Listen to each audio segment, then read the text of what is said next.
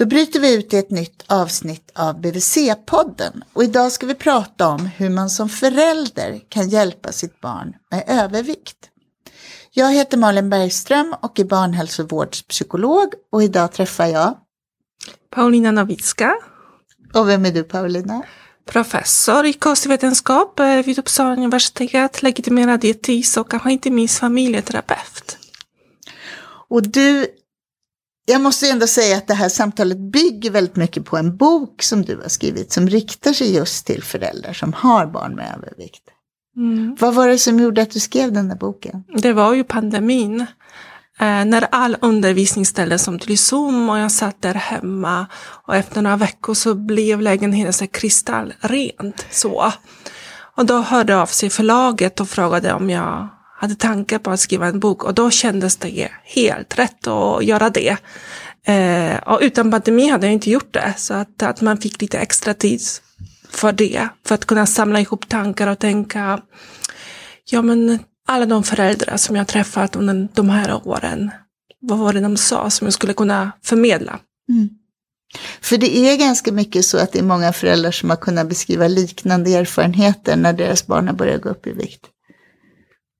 Det är det, och när man får höra samma berättelse, fast inte riktigt samma, med många olika röster, så, så växer det en historia fram och den vill man berätta för andra föräldrar så att, så att när du sitter hemma och läser den här boken eller lyssnar på mig så känner du dig inte ensam. Mm. Du, hur många barn i Sverige har övervikt? Mm. Eh, det är ungefär 10 till 15 procent. Jag tror det är 12 om man ska snitta så över hela Sverige. Eh, och då lägger man ihop både övervikt och obesitas. Och, eh, obesitas är det som kallades fetma, eller kallas fetma fortfarande, det är den medicinska termen. Och det är en övervikt som är så pass hög att den innebär framtida hälsorisker. Medan övervikt i sig är en riskfaktor för då framtida hälsorisker. Så. Men det är ohälsosam vikt båda. Och obesitas är en term som du använder nu för tiden. Och det är för att du uppfattar fetma som stigmatiserande. Det är med samtal, eh, från samtal med patientföreningen, eh, HOPS, som, som där de har fått höra att, att fetma, det, det blir så stort fokus på fettet. Så. Men samtidigt så finns det en bra term, obesitas är för många svårt att uttala, det är ett nytt term.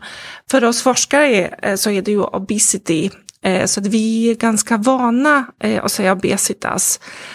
Men det handlar om ohälsosam vikt. Och för barn är det ju inte vikt bara, det är det som är lite krångligt, för det är ju både längd och vikt. så. Viktstatus brukar jag säga. Så, så. För det är ju inte vikten det handlar om egentligen bara, det är inte vad man väger på vågen. Så. Vi, Utan vad är det istället då? Jo, men det är just kroppen, alltså tyngden. Att vår kropp eh, är gjord för en viss tyngd. Så. Men också vikten, det är ju eh, någonting som, om man, om man väger mer än, än andra så samlas ju den här vikten på olika ställen i kroppen. Eh, och det, och det det, det är den inre hälsan som vi brukar förklara för föräldrarna. Det är det, det, det är vad det handlar om. Det är ju fettet då som finns i, i magen som inte är bra. Eh, som, som lägger sig bland organen som gör att man eh, har en risk för framtida ohälsa. Så. Och du är ganska noga med det här att det handlar om hälsa och hälsosam vikt och inte utseende. Mm. Det är ju det. Eh, för, för att det är ju ett, ett, ett otroligt viktigt budskap för, för föräldrar att förmedla att du är så bra som du är utifrån utseende. Vi ser alla olika ut. Vi är långa och vi är korta och vi har eh, brunt hår och rött hår och stora näsor och stora öron. Det är helt okej. Och vikten också, utseendemässigt. Men det är den inre hälsan som gör att det är viktigt att, att hålla koll på vikten. Så. Eh, och in, inte på vikten så mycket som egentligen som jag vill komma fram till, det är eh, våra vanor. Mm. Och om vi tittar på de små barnen i BVC-åldrarna, vad, vad, vad är det för prevalenssiffror där? Hur många av våra små barn har övervikt Mm. respektive obesitas? Men det är ungefär 2 procent som har då obesitas eller fetma och 11-12 procent och då, då pratar jag om, om siffror från hela Sverige.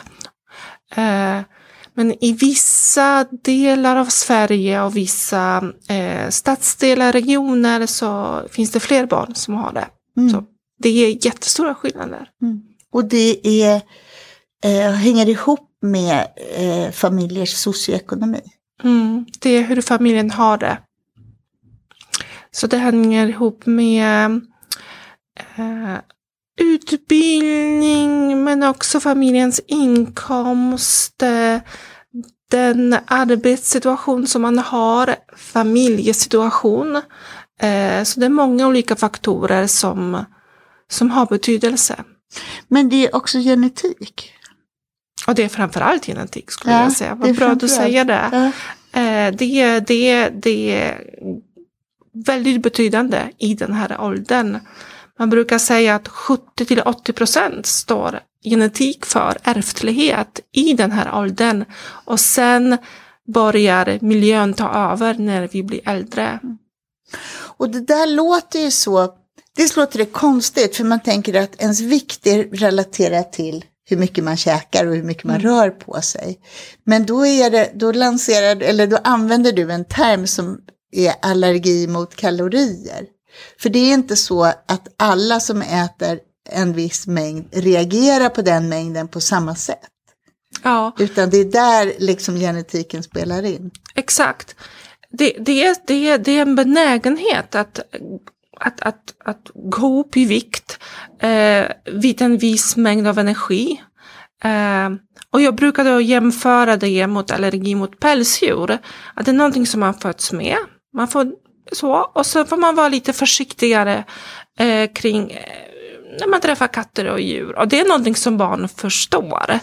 Och det är inge, ingens fel. Så här är det. På samma sätt som man föds med eh, bollsinne eller någon annan talang. Så. Och så här är det också med, med allergi mot kalorier. Eh, att man ska vara lite mer ehm, eh, noga med vad man äter eh, och eh, att man ska vara aktiv. Så. Eh, och det är, det är inget konstigt egentligen. Men det kan kännas orättvist i dagens samhälle när det är så mycket enklare att vara inaktiv, att fastna framför en skärm eh, och äta ofta och eh, mat med mycket energi. Så det är mot vår omgivning. så. Mm. Och det gör att man då måste vara vaksam och man måste göra en massa val och man måste hejda en massa impulser och det måste man göra över tid. Ja, och det är därför är det bra att, att tänka tidigt att de val som man gör, det är egentligen föräldrarna som gör de här valen. Och det är det som är viktigt. För att om vi går tillbaka till det här med genetiken, jag vill, jag vill komplicera och framförallt också ta bort skulden från föräldrar. Att det är väldigt vanligt i, i, att i, i en och samma familj så finns det barn som både har övervikt och undervikt. Det är många sådana eh, familjer. Och då måste man som förälder tänka vad är bra för hela familjen. In, både för det specifika barnen, för de barnen, men också för hela familjen. Hur ska vi få ihop det? Och då ska man få ihop det genom eh, beteende och genom vad man serverar och genom hur man knuffar ungar i olika riktningar. Men också hur man pratar om det. Mm, mm. Att man inte gör en grej av det. Och jag tänker om man byter ut då obesitas eller eh, så mot, mot någon slags matallergi eller diabetes typ 1. Alltså man bara ändrar utan att lägga en stor värdering i det. Att nu gör vi på det här sättet, nu testar vi, vi kommer vänja oss. Och ibland behöver man, för mindre barn behöver man inte ens säga det. Man kan bara säga, men nu, nu tar vi det här brödet. Eller nu, nu jag tycker inte man ska egentligen säga att man spär ut mjölken eller så. Det här barn märker inte. Och jag kommer liksom fram till en teknik som, som är väldigt bra med, med, med små barn, det är att avleda och ibland göra saker som barnen inte märker. De gör inte det. Man bara hanterar Man dem. bara hanterar det. Så. För du kallar ju förskoleåldern för någon slags gyllene ålder när det kommer till det här. Att man har goda förutsättningar att hjälpa barn att inte raka iväg i vikt. Mm.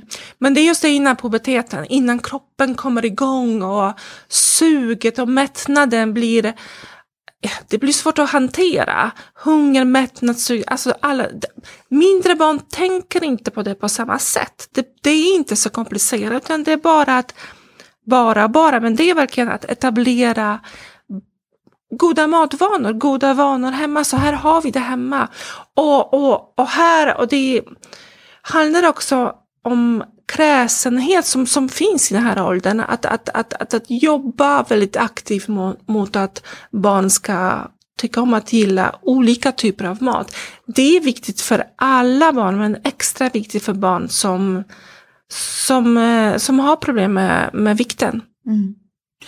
Du beskriver i den här boken hur det upplevs av barn att ha övervikt eller obesitas. Och jag blev ganska tagen av det. Det är ett liksom svårt tillstånd för barn. Det är väldigt stigmatiserande. Du skrev att barn som eh, har obesitas, de lider mer av det än barn som behandlas för cancer till exempel. Ja, eh, det finns många studier som visar det och då har man man har inte frågat barn om de lider eller inte, men man har frågat hur de ser på sitt liv. Eh, och jag tror att, att lida är ett, det är ett vuxenspråk, men man, barn får det svårare. De märker ganska tidigt att de inte är som andra barn. Att de får, de får leva med en känsla av skuld, att vara sämre, att inte kunna vara inbjuden i olika lekar att inte bli tagen på allvar eller kanske få orealistiska förväntningar på sig. För att barn som i den här åldern som, som väger mer än andra barn, de blir också längre. De ser större ut och de kan få mer ansvar som de inte riktigt klarar av att hantera. För det ska de inte behöva göra heller. Mm. så. Men när det gäller små barn, om vi tänker barn i förskoleåldern, då är det också svårt att se. Det syns inte på barn om de har övervikt eller obesitas. Det syns verkligen inte. Jag, jag har träffat tusentals barn, jag, jag kan inte se det. Barnen blir äldre, de blir lite det är ingen omskrivning, men de blir lite rundare. Så. Eh, de, blir, de blir bara större. Eh, och, sen, eh, och sen syns det mer, och de uppnår sin, de blir inte längre så, men de uppnår sin slutlängd eh, tidigare. Mm. Så det gör att det här som vi håller på med på BVC när vi tittar på, vikt, eller på tillväxtkurvan och så, det blir ett viktigt mått eftersom det är där man kan se saker som man inte ser för blotta ögat.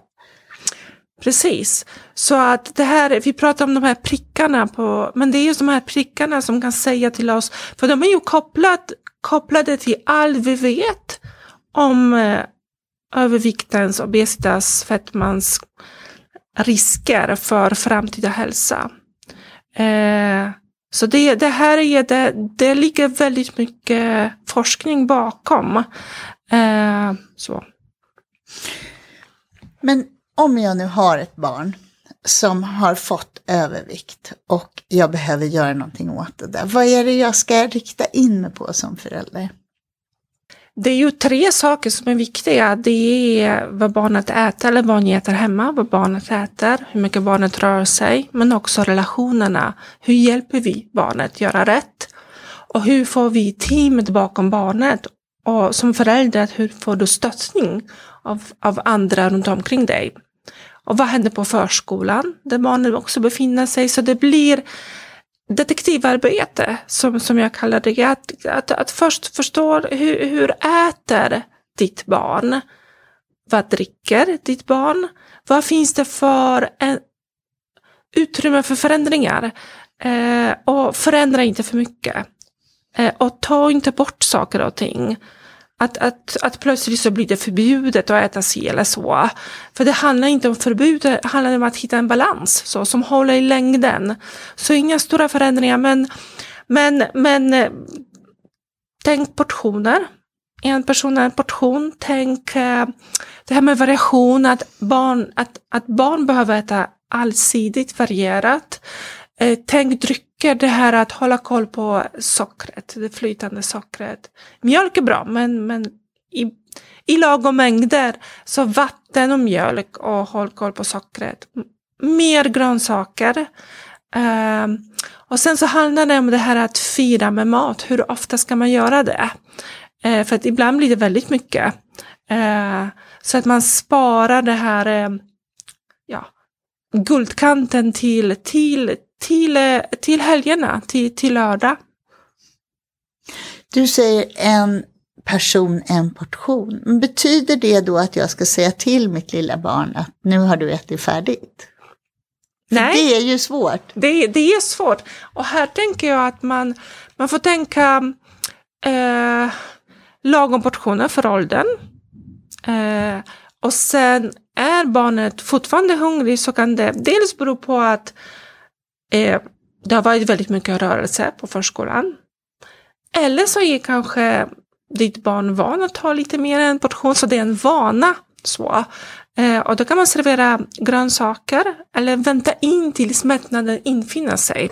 Så man kan avleda, man kan säga att kom nu går vi och leker, kom nu gör, gör vi någonting tillsammans. Att man tar barnet från köket, man avleder, gör någonting annat, distraherar. Mm.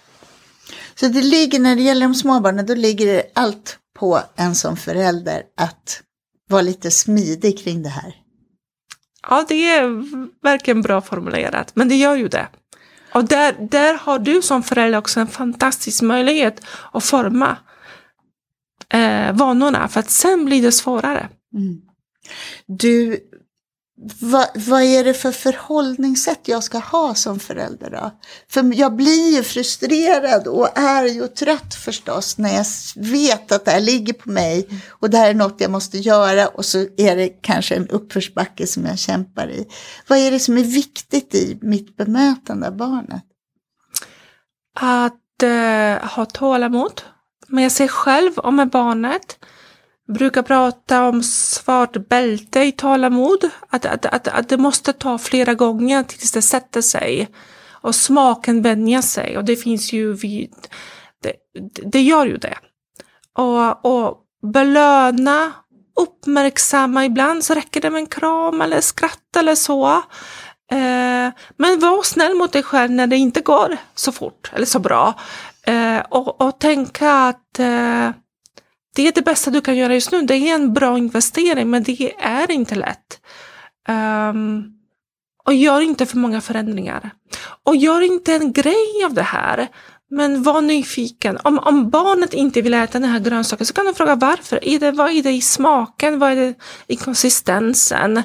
Att, att, att, att, att vara nyfiken. Och testa lite andra grönsaker kanske? Ja, och fråga vad, vad man äter på förskolan eller hos farmor eller mormor eller med kompisar. Eh, barn äter faktiskt annorlunda när de äter eh, med kompisar eller hos kompisar. Så. De är lite mer öppna. Det blir inte det här maktspelet mellan föräldern och barnet. så. Men du skrev, sa också någonting så här om det här med teamet, att man behöver ett team omkring sig när man ska genomföra sådana här förändringar. Och det betyder också att jag måste lite hålla koll på vad som händer på förskolan så att inte det som jag åstadkommer hemma skälps liksom i andra sammanhang. Mm. Och det här kan kännas väldigt pinsamt och svårt för föräldrar att göra. Um, och det finns föräldrar som går och bävar inför det här samtalet med förskolepersonalen. Men när det här samtalet genomförs på ett bra sätt utan att anklaga, utan vara, utan vara mer nyfiken och då kommer det oftast fram, det är någonting som personalen själv velat ta upp. Eh, att det finns många små lösningar som man kan testa. Eh, så att man ska inte vänta för länge. Det, det enda problemet tycker jag är att, eh, att personalen byts så ofta på förskolor. Och det blir sjukskrivningar och det är stora barngrupper. Så det är mer av det organisatoriska. Men viljan finns där. Eh, så. Och det finns många goda idéer också. Så, man kan, så det är ett viktigt samtal att ta. och det här med svart bälte i tålamod, vad, hur uppnår jag det då? Mm. Eh, att tänka att allt behöver inte vara perfekt och det, det får ta lite tid. Eh, för det är ju, jag menar, om vi, vi har pratat mycket om mat och mindre om det här med fysisk aktivitet och inaktivitet, skärmtid. Att det är ju, ibland är ju den enda möjligheten att få sätta barnen framför tv för att kunna dammsuga eller laga mat. Eh, så det får man på något sätt ta med i beräkningen. Att det kommer aldrig vara perfekt, men, eh, men samtidigt tänka på att eh, det barn verkligen vill det är att tillbringa tid med sina föräldrar. Ut, ibland utan att planera, utan att göra någonting avancerat. Att bara få vara med föräldrarna. Så, så att, eh, att faktiskt vara ute, trots vädret. Att, uh, att, um, att röra på hela kroppen, att leka och att ha kul. Så. Så i det här som är liksom beteendeförändringar som ska till, så handlar det om ganska allvarliga till, eller risker för allvarliga tillstånd och så. Så gäller det att lite hålla blicken här och nu och försöka göra det här till någonting som blir lite lustfyllt. Att Mm. vi gör grejer ihop och vi rensar kylskåpet och ser till att det inte finns en massa saft och läsk eller vad det kan vara. Och, men att jag ska ta det där lite pö om pö. Ja, för att som, som, som behandlare och forskare, det, det jag tänker på är att eh, barnobesitas är kopplat till 13 olika typer av cancer i vuxna livet. Så det är inte, det är verkligen inte bara utseende, eller det är inte utseende, utan det handlar om en allvarlig eh, fysisk och faktiskt psykisk ohälsa. Eh, På vad sätt psykisk ohälsa? Ja, det, det, det, det, det var bland annat en studie, inte så länge sedan, från, eh, baserat på, på, på eh, data från Sverige, från eh, unga vuxna från Sverige som, som visade att om man hade då eh, ohälsosam vikt som barn så var risken att i ungt, som ung vuxen ta livet av sig högre. Som att man, man har, man, man, och, och det handlar också om samhällets syn på kroppen och det är ju mm. otroligt orättvist och det här måste vi också jobba mot. Så. Mm. Inte acceptera att man har olika möjligheter att lyckas i livet på grund av sitt utseende. Så på någon slags individnivå så måste vi hjälpa föräldrar att lyckas styra bort från en övervikt så att barnet hinner växa ikapp sig. Och på en, ett samhällsnivå så behöver man förändra attityder, är det så? Ja, och båda måste till. Mm. Eh, och det får vi alla hjälpas åt. Och för föräldrar så det bästa tipset är att inte kroppsrecensera andra. Att, att, att, att inte tänka men du är så fin eller, eller, eller, eller kommentera kroppen utan mer personen. Men inte kroppen. Så, inte så mycket. Att, eller att det ska vara en viss typ av kropp. Så. Och det gäller inte bara barnen utan det gäller hur man pratar sinsemellan om Ja. andra människor också. För att barn lyssnar, de gör ju det. Så. Och det här är ju någonting som barn är medvetna om redan som små. Det vill inte vi veta egentligen om barn. Vi vill inte tänka treåringar redan eh, har koll på andras kroppar och så, eller hur? Och det finns också studier som visar att redan om, alltså just barn i treårsåldern eh, tillskriver tecknade figurer olika eh, egenskaper beroende på kroppsstorleken. Så att en, en, en, en, en stor figur är en elak eller lat figur. Det vet en treåring om. Du Paulina, om vi ska gå tillbaka till det här mer praktiska så tänker jag att du pratar mycket om flexibilitet. Hur går det ihop liksom? Hur ska man jobba mot ett sånt här mål samtidigt som man är flexibel och inte blir rigid med liksom veckomatsedlar som är strikta? Um, det, det jag tänker på är att du som förälder känner ditt barn bäst. Så. Eh, och där får man fundera vad är lättast för dig och barnet jämfört med syskonen. Så. Eh, och tänka att man börjar en sak i taget, får till en vana och så lägger man till och lägger man till.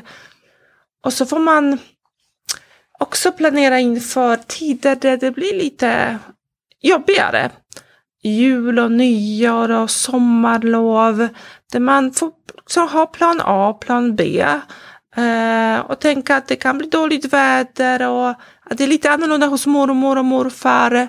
Eh, och, och, och vara förberedd på det. Så kanske prata inför ett längre besök hos då mor och farföräldrar. Att livet kan inte vara fest hela sommaren när barn har en känslighet för att gå upp i vikt. För att vi har ju träffat barn som har gått upp väldigt mycket under sommaren och det är svårt att göra någonting åt det senare. Så. För det är det som är poängen, va? att barn inte ska börja gå upp i vikt, Mm. att, ut- utan att man, vad heter det, motar Olle i grind, heter det. Mm, mm.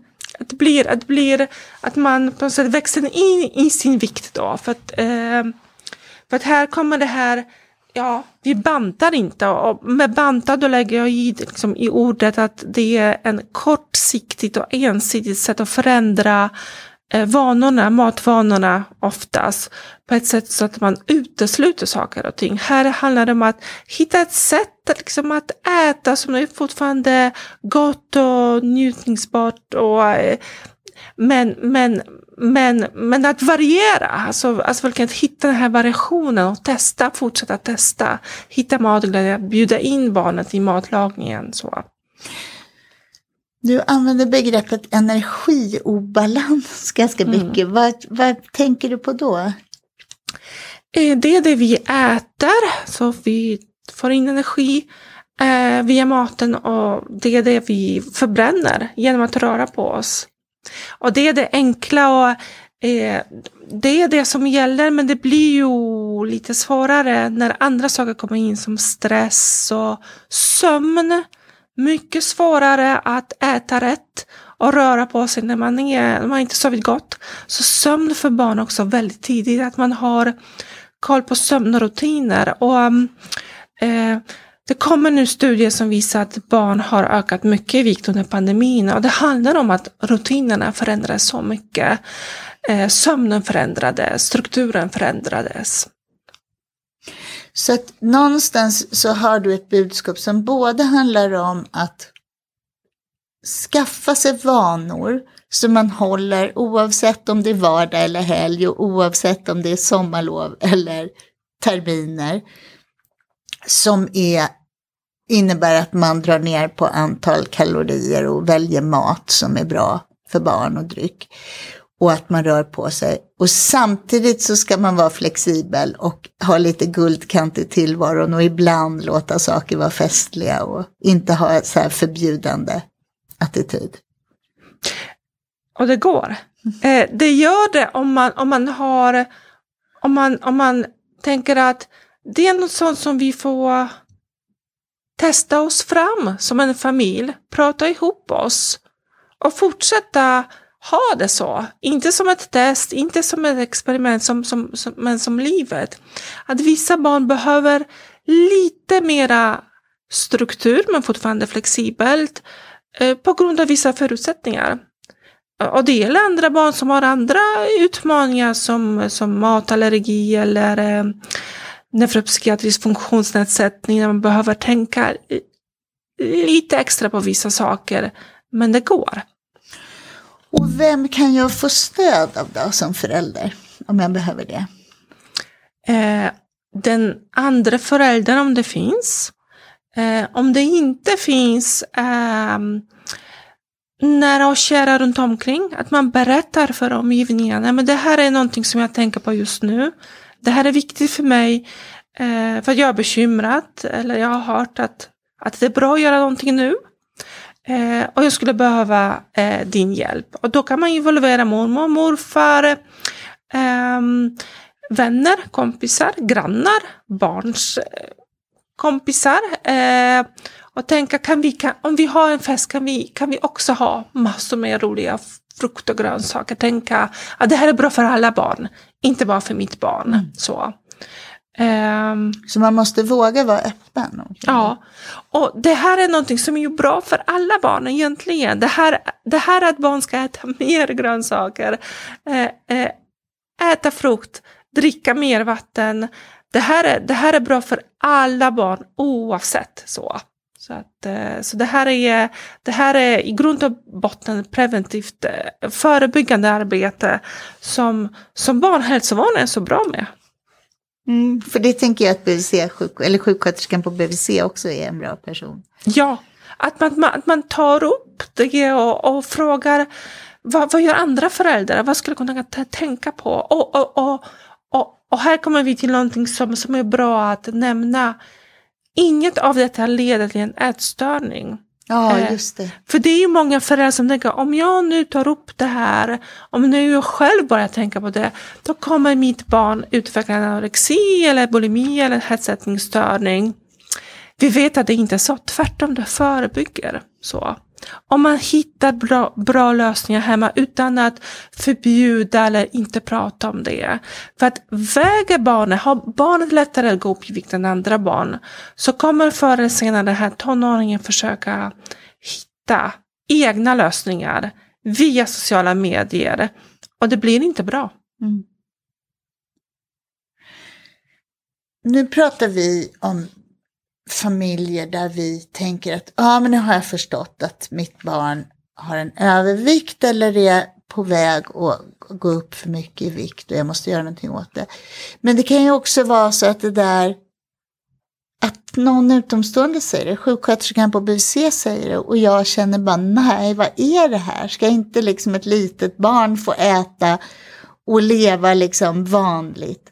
Det är inte säkert att jag håller med om den här beskrivningen liksom. Eh, det är vissa föräldrar som berättar att de har blivit helt tagna på sängen. Eh, och det tog en tid för dem att smälta det. Eh, och jag, jag känner faktiskt till några i, i min bekantskapskrets och de, de vet mycket väl vad jag jobbar med. När de berättade själva när de fick höra när barnen var ganska litet. Så sa de, men det finns ingen i vår släkt som har det. Det är omöjligt. Vi väntar. Och de har väntat och de har väntat, de har väntat. Eh, och, och nu är barnet i tonåren och nu är det riktigt tufft. Riktigt tufft. Och då kommer det här att barnen känner sig annorlunda och, och så. Eh, så att, så att, för det är ju så att om, om, om, om, om det syns då på, på eh, kurvan, när man pratar om de här prickarna, då är det sätt att börja fundera, skulle vi kunna, finns det någonting som vi kan justera, något litet? Inte för att lägga om hela livsstilen, men tänka, men kan vi, kan vi se över dryckerna? Eller, eller tänka, liksom, nu, nu, nu är det dags, nu är det viktigt att vi funderar på någon organ, organiserad rörelse. Nu är det extra viktigt att det blir det här simningen en gång i veckan, eller det blir den här dansen, eller, eh, eller vad nu så. Eh, att, att man börjar tänka, det, det är dags. Så. Så att även om ens första reaktion är att men det här håller jag inte med om eller det här, då kan man gå tillbaka och prata vidare om det. Mm. Så att man får, låta det, får hjälp och låta det här sjunka in och få tänka på lite, vad kan vi göra då? Ja, och, och eh, man kan boka in ett extra besök eh, efter några månader och, eller bara det, det, höras på telefon om man inte vill prata för ingående när barnet är i rummet. Vissa föräldrar vill inte det och det tycker många det är okej. Eh, men att man har dialogen. För, för att det, det finns mycket kunskap inom barnhälsovården eh, så att, så att det, det är en fin möjlighet att ta. Att, att få ta del av den här kunskapen. Det finns föräldragrupper som man kan också delta. Det finns på vissa ställen i landet. Eh, och det finns en del information på nätet nu. Så vi har blivit bättre på att förmedla bra, enkla råd som funkar. Och de, och de gör det, de, de funkar. Så. Du Paulina, är det någonting som jag, vi har missat att prata om, så jag missat att fråga om? Men i min bok så finns det ingen så här happy end. Utan eh, det här är en eh, kronisk sjukdom. Det betyder att det är någonting som man kommer behöva ta hänsyn till det resten av livet om barnet ligger på en väldigt hög ohälsosam vikt. Det är ingenting som försvinner av sig själv. Utan det här får man liksom tänka på, det, att det är att äta varierat, att vara, ha en aktiv livsstil livet ut för att eh, minska risken för olika sjukdomar. Men det är en ryggsäck som, som man glömmer att man har om, om, man, om man tänker, om man börjar tidigt. Så. Mm. Eh, men det, det, det, det är en sjukdom. Mm. Så. Och det, det, har ingenting med utseendet att göra. Och det är klart att det är en jobbig grej att ta in. Mm. För föräldrarna, för, men barn tänker inte så. Nej. Många är helt omedvetna och blir det under ganska lång tid. Och det är bra, då behöver vi inte vuxna göra dem medvetna för det. Så, eh, så att, eh, och det blir en naturlig del av livet, det blir inget svårt.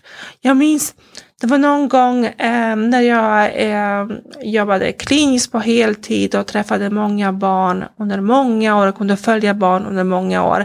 Jag jobbade på en klinisk specialistenhet. Det var någon flicka som, som vi skulle avsluta för att då var hon 16 och ja, men hon hade en bra vikt. Det, det, det, det var dags.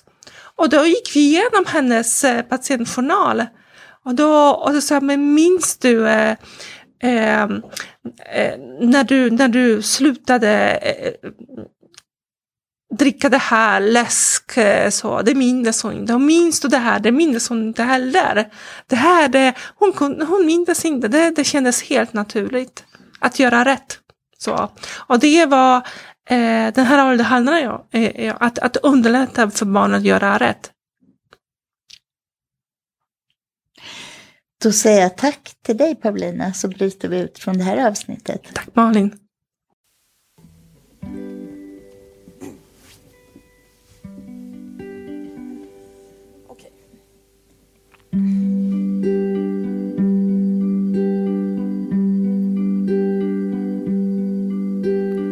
Födde barn till Björn Olsson. Solen bröt fram precis när mitt barn kommit ut Låg i en pöl av svett och blod.